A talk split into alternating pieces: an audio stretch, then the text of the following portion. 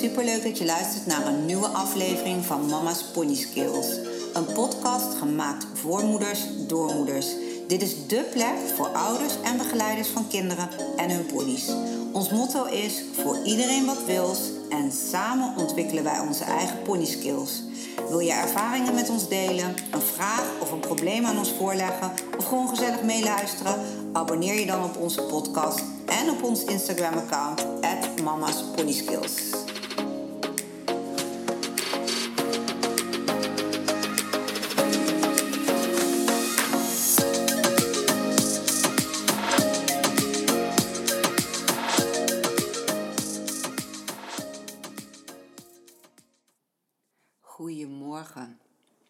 Vandaag is het uh, geen vrijdag, maar zaterdag.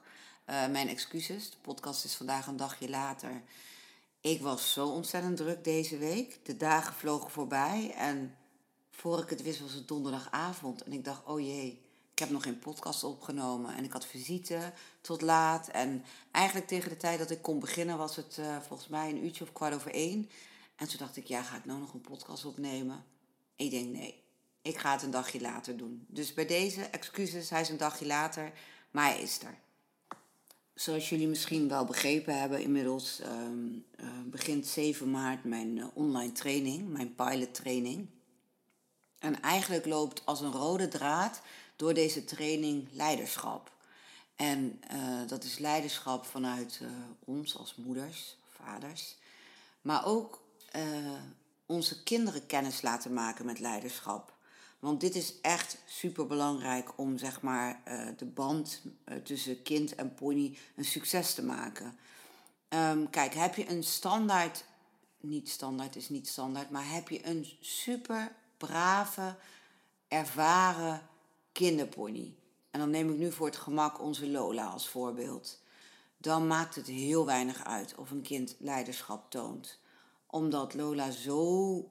Uh, vol vertrouwen is en zo open en zo uh, ja, geen angsten naar mensen toe heeft of naar situaties. Ze heeft eigenlijk voor 100% vertrouwen dat in welke situatie je haar ook brengt, dat het gewoon goed is. En dat wat een kind ook van haar vraagt, dat het goed komt. Dus er is geen kind die stress bij haar uh, teweeg kan brengen of die haar een, een, een ongemakkelijk gevoel kan geven. Ze staat er een beetje in van ik heb het allemaal al gezien en ik weet het allemaal wel en ik vind het allemaal prima.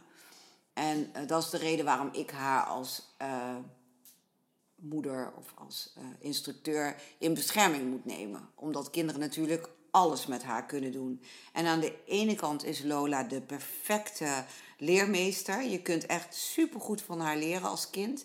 En ze is bijna een soort moedertje over hele kleine kinderen. Altijd voorzichtig en ze kijkt altijd uit. En ja, het is bijna alsof ze gewoon menselijke kenmerken heeft. Zo voorzichtig en zo betrouwbaar. Want je zegt dat ja, paarden kunnen schrikken, paarden kunnen bokken, paarden kunnen dit. Het blijft een dier. Weet je, ik hoor mezelf dat ook heel vaak zeggen. Het blijft een dier. Tuurlijk hoor ik dat bij Lola ook te zeggen, maar dat voel ik helemaal niet. Ik voel haar helemaal niet als een dier. Ik voel haar echt als, ja, haar kun je vertrouwen. Het kind is veilig. En tuurlijk zal ik altijd alle veiligheidsvoorschriften in acht blijven nemen. Maar het voelt zo ontzettend vertrouwd. En met dat gevoel werk ik ook met andere ouders en kinderen. Om, zeg maar, je moet altijd een stip op de horizon zetten van oké, waar wil je naartoe? He, met jonge kinderen of kinderen die net beginnen met een eigen pony. Waar wil je naartoe? En dan zeg ik altijd, je wil naar 100% vertrouwen. En wij zijn altijd bezig met het kind moet de pony kunnen vertrouwen. Of wij als moeder moeten de pony kunnen vertrouwen. Maar wat ik echt net zo belangrijk vind, is dat de pony ons moet kunnen vertrouwen. En niet alleen ons als moeder, vader, instructeur, maar ook het kind. En dat begint bij leiderschap. Toen ik Lola van de paardenmarkt haalde, jaren geleden. Ehm, dat is inmiddels meer dan 16 jaar geleden. Toen had zij ook geen vertrouwen. Toen was er ook geen band of vriendschap. Toen zag zij mensen als, oh jee, die, hè, uh, ze, ze is fokmerrie geweest. Ze heeft veulentjes gekregen. de eerste paar jaar van haar leven. En daarna is ze via een handelaar op de paardenmarkt terechtgekomen omdat ze zomerexeem had. Weer haar veulen van haar afgenomen. al die stress die ze daar had meegemaakt ja, vreselijk. Dagen op zo'n paardenmarkt zonder water, zonder eten, zonder. Nou, verschrikkelijke situatie. En vervolgens nemen wij haar mee naar huis met de, de, de melk nog uit haar uier stromen. Uh, ja, omdat ze in deze stressvolle, nare. Uh, na die stressvolle, volle, nare ervaring haar veulen ook heeft moeten achterlaten. En met ons mee moest. En bij ons een, weer een nieuw leven moest opstarten dat is uiteindelijk helemaal goed gekomen. Maar goed, we hebben wel haar vertrouwen moeten winnen in het begin. En we hebben haar moeten leren wat we van haar wilden. En we hebben haar uh, ja, onze normen en waarden bijgebracht. Hoe wij vinden dat zij met dingen om moest gaan. En dat hebben we op een duidelijke, lieve, zachte manier gedaan. Omdat ik steeds in mijn achterhoofd hield waar ze vandaan kwam. En dat ze verder nog niks kende. En dat alles wat we van haar vroeger nieuw van haar was, voor haar was. En we hebben dat in stapje voor stapje gedaan. Hoe braaf ze eigenlijk dingen op een gegeven moment ook wel oppakte. Maar toch elke keer respect voor wat zij had meegemaakt. Ik bleef altijd in mijn achterhoofd houden. Ik wil haar opvoeden. Ik wil er een leuke kinderpony van maken. Maar ik wil wel dat ze me vertrouwt. En ehm, iets heel moeilijks, wat ook in mijn cursus ehm, naar voren komt, is dat wat wij leuk vinden als ouders, als kinderen, is om ponies snoepjes te geven, lekkers te geven, te belonen. En ik ben daar niet zo'n voorstander van. En de mensen die ik uh, help met hun jonge kinderen, vinden dat bijna het allermoeilijkste. Dat ik tegen ze zeg: stop met die snoepjes. Stop met dat lekkers geven. Want het voelt voor jezelf zo lekker om je pony iets lekkers te geven. Het voelt echt zo van: oh, uh, nou ben ik goed voor mijn pony. Ik, uh, weet je, ik hou van mijn pony, want ik geef hem wat lekkers. En ik zeg altijd, je houdt voor je pony door hem te geven wat hij nodig heeft. Geef jouw pony leiderschap. Geef jouw pony rust. Geef jouw pony vertrouwen. Geef jouw pony dat hij het fijn vindt om met jou samen te werken. Geef jouw pony dat hij het fijn vindt dat je er bent. En dat zit hem niet in een snoepje. Een pony vindt het fijn dat je er bent als hij je kan vertrouwen. Als hij het fijn vindt om bij je te zijn. Als je een leider voor hem bent. Want je wil dicht bij je leider zijn. En bij je leider is het veilig. Als je dat kan geven aan je pony, wauw, dan heb je goud. En dan kan je zoveel kanten op met je pony. En dan komt het volgende nog, geduld. Heb geduld. Wil niet vandaag iets wat je in je hoofd hebt zitten, maar denk bij jezelf, daar ga ik naartoe werken. Met respect voor je pony, maar wel door middel van leiderschap. En ik zeg niet dat je je pony nooit wat lekkers mag geven. En ik zeg ook niet dat als je je pony iets nieuws aanleert, wat hij goed doet, dat je naast je beloning ook iets lekkers mag geven. Tuurlijk mag je wel een keer wat lekkers geven. Maar ik heb mijn kinderen opgevoed, vooral toen ze heel klein was, waren met geen snoep, geen lekkers. Nee, mijn ponies mogen niks hebben. Mijn ponies moeten het blij zijn als wij er zijn. En niet als het snoep, de wortel of de, de muesli of iets anders er aankomt. Wij moeten de vreugde brengen. En, ehm, maar goed, daar ga ik in een andere podcast nog wel een keer op in. Als onze kinderen dan iets lekkers mochten geven, deed ik het vaak in combinatie met een klikker. Dat als ik pony iets goed deed en hij mocht een beloning hebben, dan klikte ik en dan wist het kind direct mag ik een beloning geven. Want de pony heeft nu iets gedaan wat zo goed is wat we van hem vragen, dat verdient een extra beloning. Ik weet dat ik als meisje van een jaar of 16 uh, eh, voor het eerst op een uh, springstal kwam. Waar ze paarden zadelmak maakten. Jonge paarden zadelmak maakten. Um, in mijn kindertijd heb ik zelf heel veel pony's zadelmak gemaakt. Alleen, uh, met vriendinnen samen. Um, maar wij kregen, ik reed ook bij een handelaar en er kwamen heel vaak jonge paarden. Of paarden die gewoon uit het land kwamen. Ponies waren het meestal. Ponies die uit het land kwamen en die gewoon nog niks hadden gedaan. Of waar van alles mee aan de hand was. En nou ja, soms waren er ook veulens die kwamen. En die bleven zo lang totdat ze oud genoeg waren om zadelmak gemaakt te worden. Ja, en daar deed ik van alles mee. Ik ging al met een veulentje fietsen.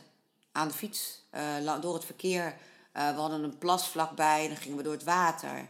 Um, we, hielden, we vonden het soms leuk om met de paarden te gaan wandelen. Dan wandelden we helemaal naar de stad. Moesten we over de brug heen. Ehm, dat is ongeveer een half uur lopen.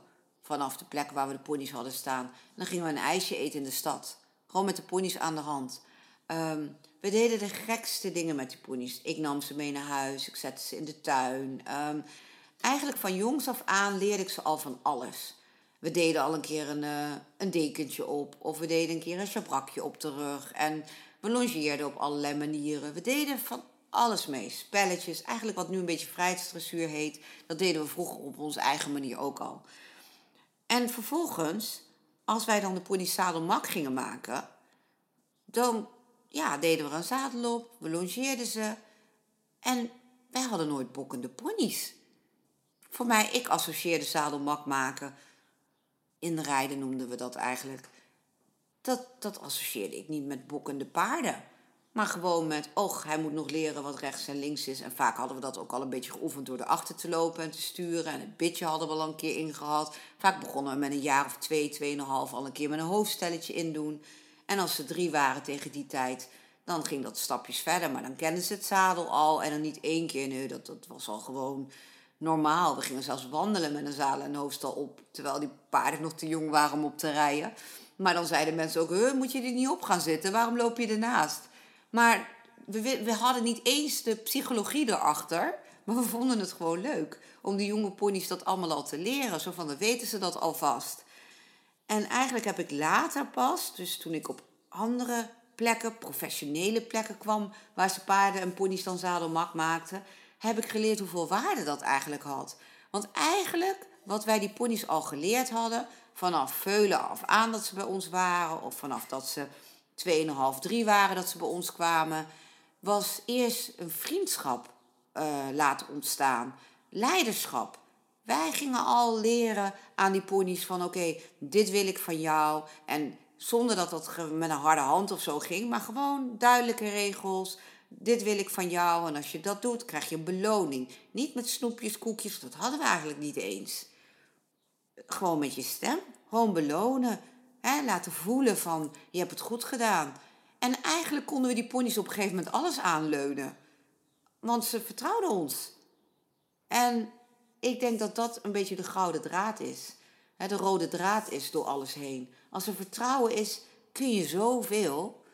En nou ja, om weer terug te komen op toen ik een jaar of 16 was en ik kwam op zo'n enorme springstal terecht waar ze dus paardenzadelmak maakten, zag ik de raarste dingen.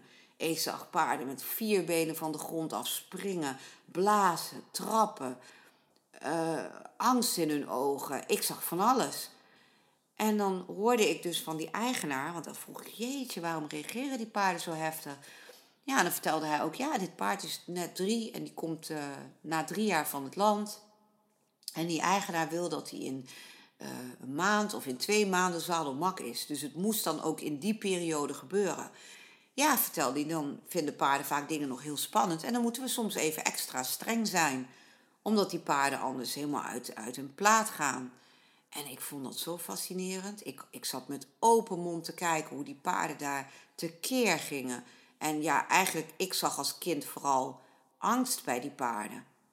Proberen weg te vluchten, weg te komen van al die hulpteugels die eraan hingen. En dan zag ik sporen en zwepen en, en slofteugels. En dat ik dacht, jeetje, wat gebeurt hier?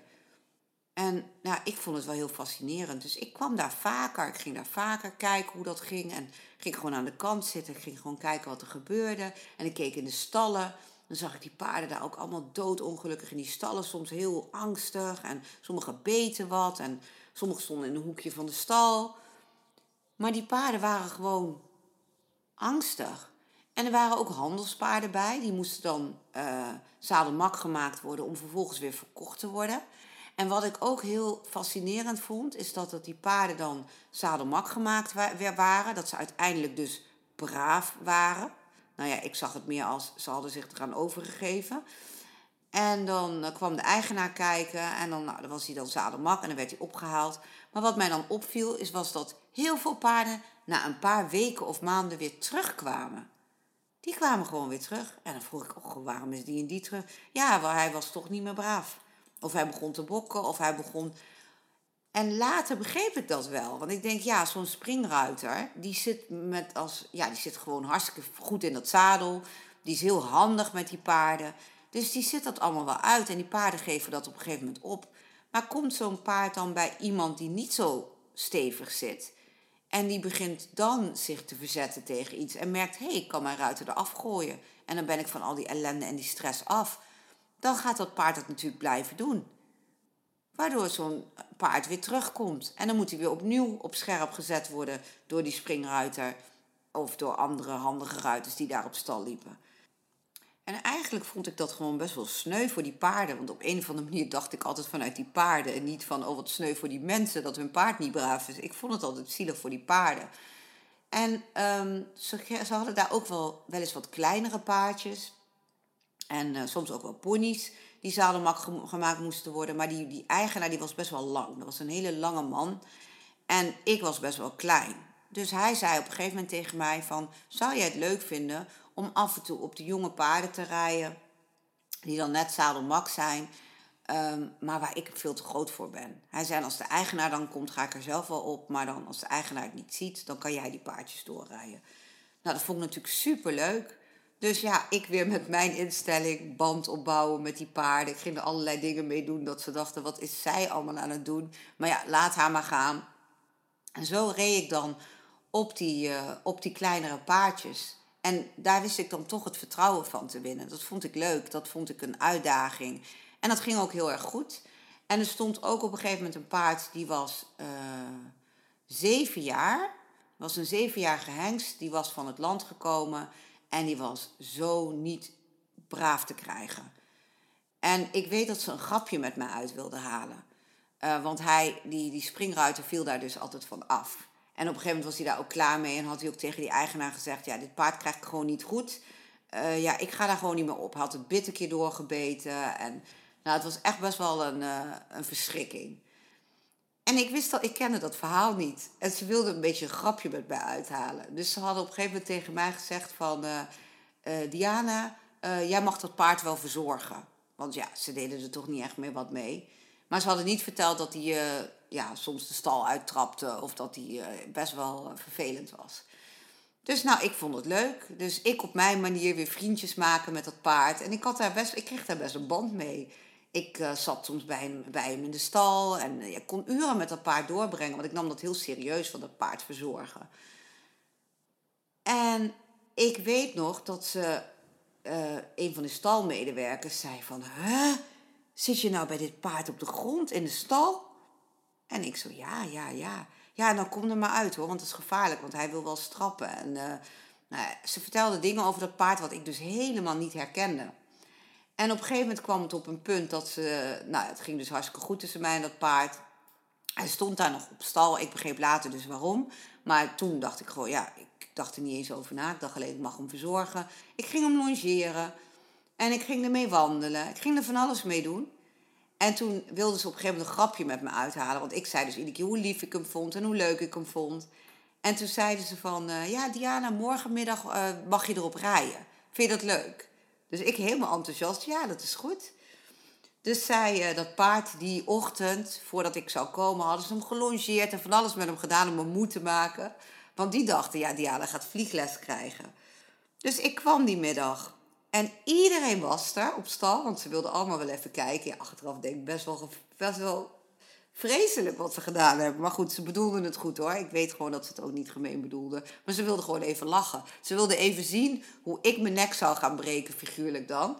Op dat zogenaamd lieve paard.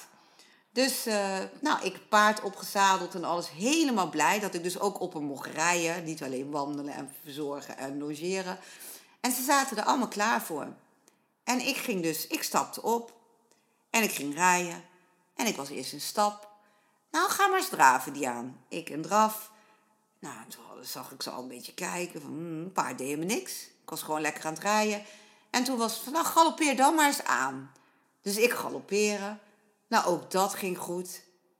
En toen zei op een gegeven moment zei die eigenaar van die stal... Diana, zal ik een sprongetje voor je neerzetten? Nou, ik vond springen, springen super leuk. Dus ik zei, ja, doe maar. En hij had dus, hoorde ik achteraf gezworen... dat hij nooit meer met dat paard zou springen. Want dat scheen echt een, een rampenplan te zijn.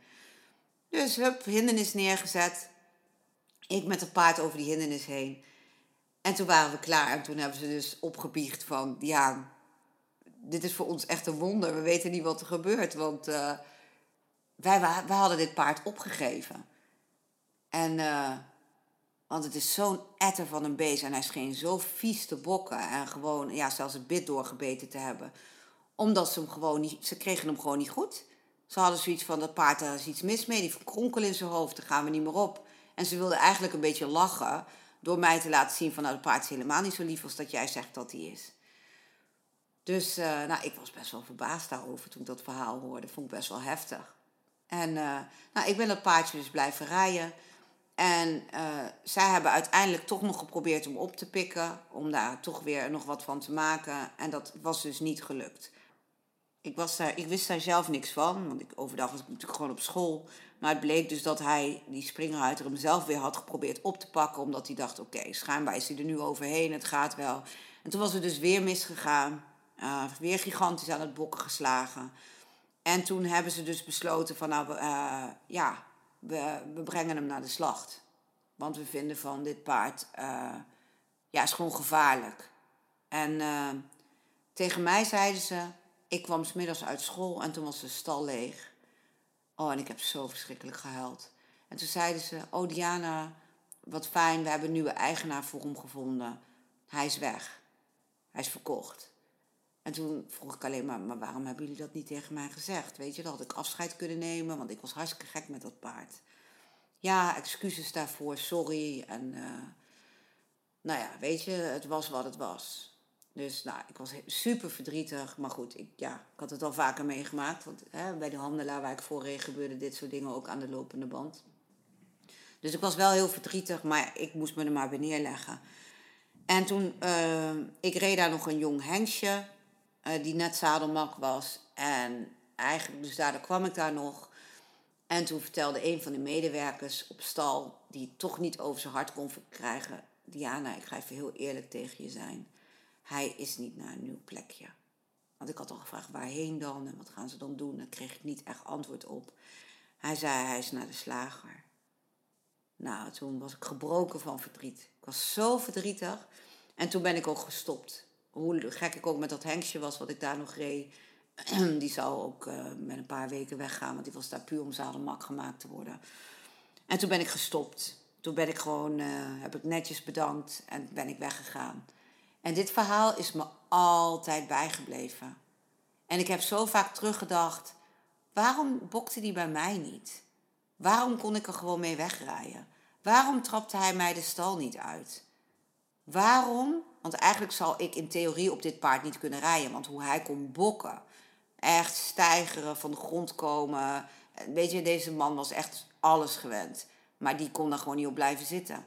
En bij mij, hij swiepte nog niet met zijn staart. Ik kon daar alles mee. Ik heb er zelfs zonder zadel op gereden. Dat ze zeiden van, nou, we weten gewoon niet wat hier gebeurt, dat hij dit pikt. En dat heeft me heel wat jaartjes geduurd, gekost, voordat ik dit kon analyseren voor mezelf.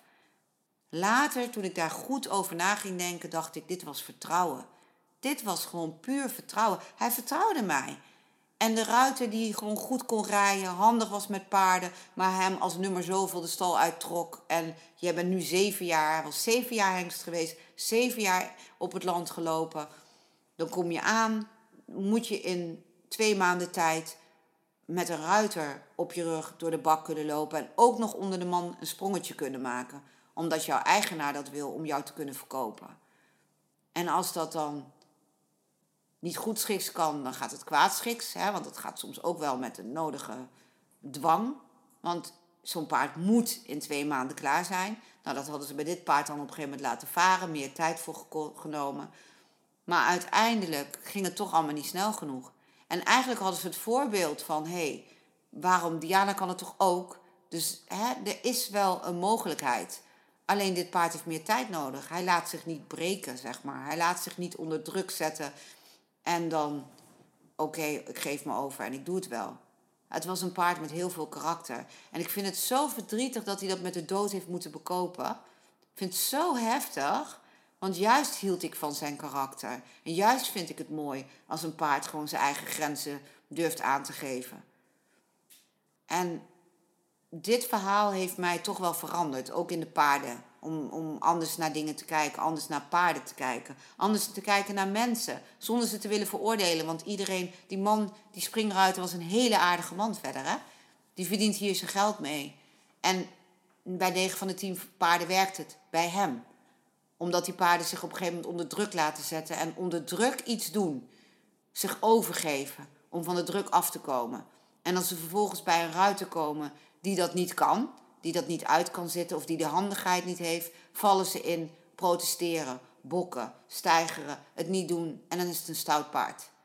In sommige gevallen gaat zo'n paard terug naar die ruiter die hem weer in een korte tijd onder druk zet, hem onder dwang toch laat doen wat hij wil dat hij doet en dan gaat hij weer terug. Wachten tot het weer misgaat. Of hopen tot hij bij iemand terechtkomt die hem wel de tijd geeft om dingen eerst goed te kunnen leren, om vertrouwen op te bouwen. En dan kom ik weer terug op die snoepjes. Ik vind snoepjes vergelijkbaar. Snoepjes, we kopen de paarden om om ze te laten doen wat we willen. En dat doen we uit liefde, maar het is voor de korte termijn. Want de, het stukje vertrouwen ontstaat daardoor niet. Dus wanneer er een situatie ontstaat waarin het paard onzeker wordt of denkt, of de pony denkt van, oh dit durf ik niet, dit wil ik niet, is er geen vertrouwen en lopen dingen uit de hand. En kan het zo zijn dat je tegenover elkaar komt te staan. En natuurlijk is snoepjes uit liefde en een paard in twee maanden iets door de strot willen duwen, is natuurlijk geen liefde. Alleen je bereikt allebei hetzelfde. Er is geen vertrouwen. En ik zeg niet als jij je paard snoepjes geeft dat hij jou niet vertrouwt. Maar ik zeg alleen als je een paard wat jou niet vertrouwt probeert met snoepjes uh, voor je te winnen. Dan kom je bedrogen uit. Want zo'n pony doet dingen voor de snoepjes op dat moment. Maar die leert helemaal niet dat hij bij jou veilig is. Dat hij jou kan vertrouwen dat het oké is. Hij leert alleen, als ik dit doe, krijg ik een snoepje. Of krijg ik wat lekkers. Dus laat ik dat gedrag maar vertonen.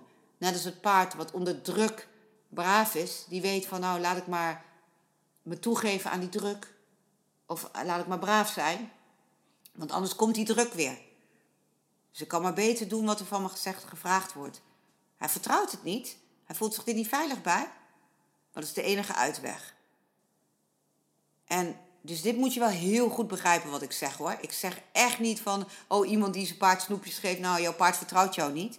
Nee, ik zeg alleen, als wij een pony iets willen leren en we doen het alleen maar op basis van snoep en lekkers, dan leer je hem een kunstje en hij krijgt daarvoor in ruil een snoepje.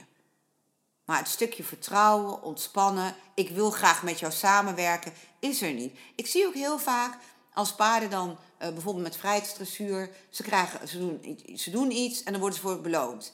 En dan zie ik ook heel vaak dat die paarden alleen nog maar hun oren in de nek hebben. Ze zitten alleen maar te loeren tot het snoepje komt. En dan denk ik, oké, ja, wel heel knap wat jouw paardje nu allemaal doet. Maar hij kijkt er wel heel boos bij. En hij is wel erg gefocust op, oké, welk kunstje moet ik doen om dat snoepje maar te krijgen.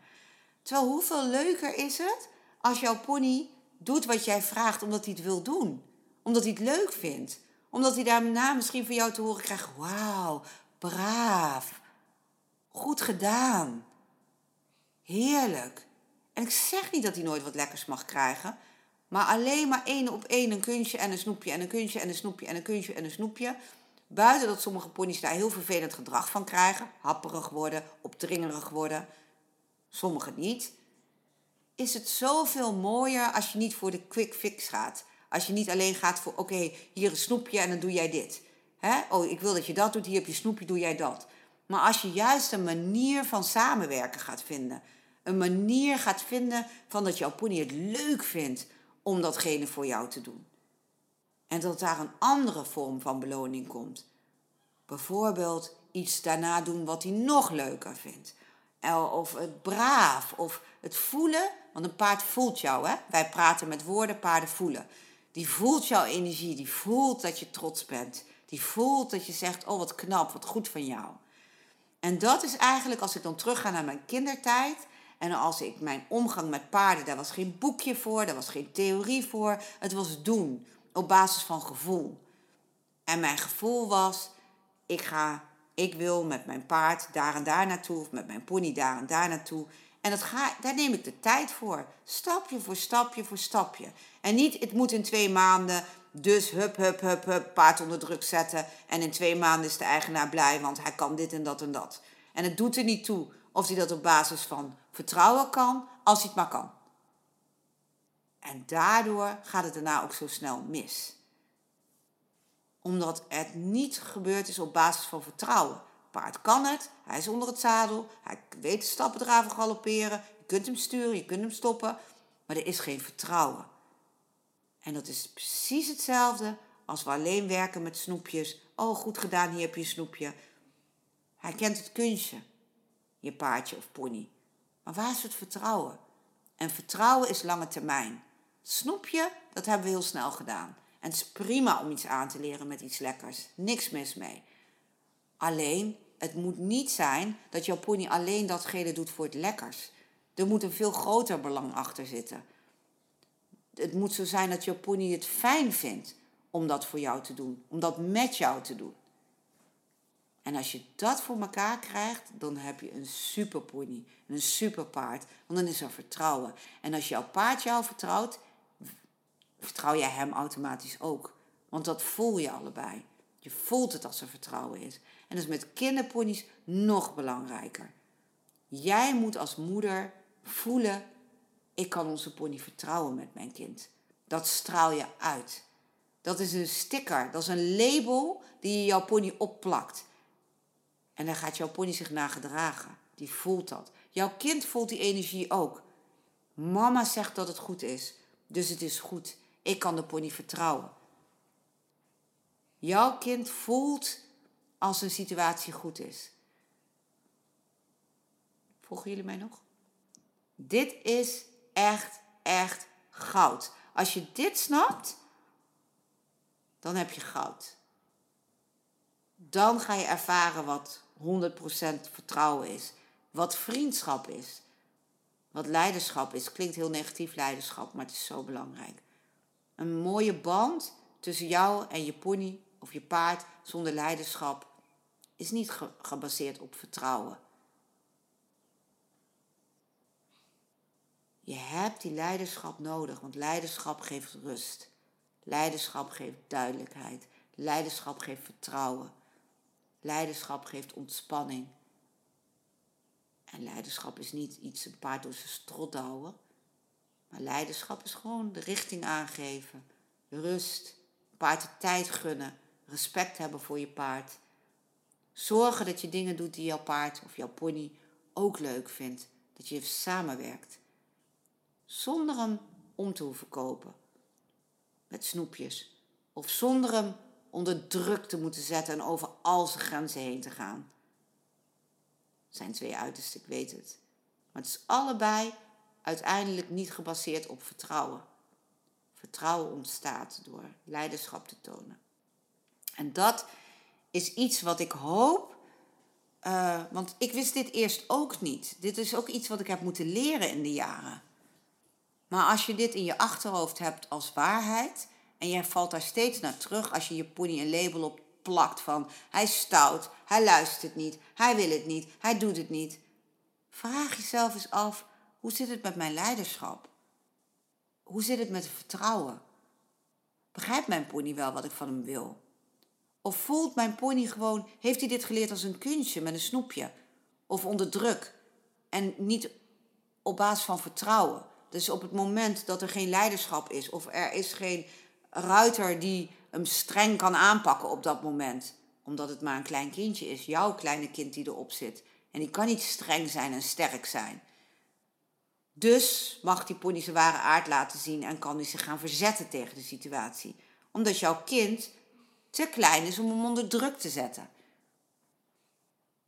Dat zijn belangrijke dingen om je af te vragen. Misschien denk je bij jezelf, jeetje, weet je, die gaat alle kanten op. Maar ik zal hier wel vaker op terugkomen. En ik zou het fijn vinden als ik dit stukje heel duidelijk kan maken.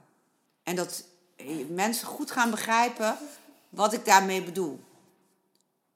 Dat zou ik fijn vinden. Want dan kunnen we pas echt leuk gaan samenwerken met onze ponies. En dan kunnen we omarmen wat er niet goed gaat. En gewoon gaan kijken, zie het als iets leuks. Van oké, hoe gaan we het oplossen? Hoe gaan we zorgen dat onze pony dit wel leuk gaat vinden om te doen? Dit wel met ons samen gaat doen. En ook al kon niet al bij mij, maar voelde hij toch een bepaalde hè, handigheid of druk vanuit mij. Waardoor hij dacht, laat ik het maar doen. Maar hoe kan ik ervoor zorgen dat hij zonder die druk en met iets minder handigheid, want die kinderen zijn gewoon nog niet zo handig, toch voelt om het te gaan doen? Als je daar het plezier van in gaat zien, dan ontstaat er vriendschap. En dan ontstaat er vertrouwen. Niet alleen vanuit jou naar de pony, maar ook andersom. Ook terug. En ook vanuit de pony naar het kind. En dat is eigenlijk het ultieme wat we willen bij onze kinderen met hun kinderponies. Dat er gewoon wederzijds vertrouwen is. Nou, ik heb heel veel gepraat. Uh, ik hoop dat je begrijpt wat ik hier uh, mee zeg. En geef het me ook gewoon terug. Hè. Veel moeders doen dat ook via Instagram. Vind ik super leuk. Als je hier iets voor jezelf uithaalt. Of als je denkt, oh ja, hè, ik begrijp dit. Of ik snap waar je naartoe wil. En nogmaals, ik val niemand aan. Hè. Ik snap die springruiter wel. Die uh, zijn boterham moet verdienen. Die als hij dat niet binnen twee maanden doet. geen klanten krijgt. Want dan gaan ze weer naar een ander ik, ik wil niemand veroordelen verder. Dit is gewoon ook een business waarin dit zo gaat. Alleen het is niet de manier hoe ik met paarden om wil gaan. Het gaat tegen mijn gevoel in. En nogmaals, ik veroordeel ook niet mensen die hun paarden heel veel snoep geven. En hè, ik, het is niet mijn manier. Ik geloof er niet in. En ik zeg niet dat je nooit een keer een worteltje of iets lekkers mag geven. Maar ik geloof in vertrouwen, ontspanning, leiderschap. En tuurlijk geef een keer een snoepje of geef een keer een wortel. doen wij ook. Maar daarvoor moet het niet zijn. Dat moet niet de reden zijn dat jouw pony het voor je of voor jouw kind wil doen. Nou, daarmee uh, wou ik deze podcast voor deze week afsluiten. En uh, volgende week ben ik er gewoon weer op vrijdag. Bedankt voor het luisteren. Leuk dat je onze podcast helemaal hebt afgeluisterd. Vind je het een aanrader voor andere paardenmoeders of begeleiders? Deel onze podcast dan met hen. Voor ieder wat wil, samen ontwikkelen onze eigen pony skills. We zouden het leuk vinden als je een screenshot maakt van deze aflevering, deze deelt op je Instagram-account en ons, het Mama's Pony Skills, daarin tagt. Op deze manier weten wij wie er naar ons luistert en inspireer je wellicht anderen om zich ook bij ons aan te sluiten. Bedankt alvast en tot volgende week vrijdag.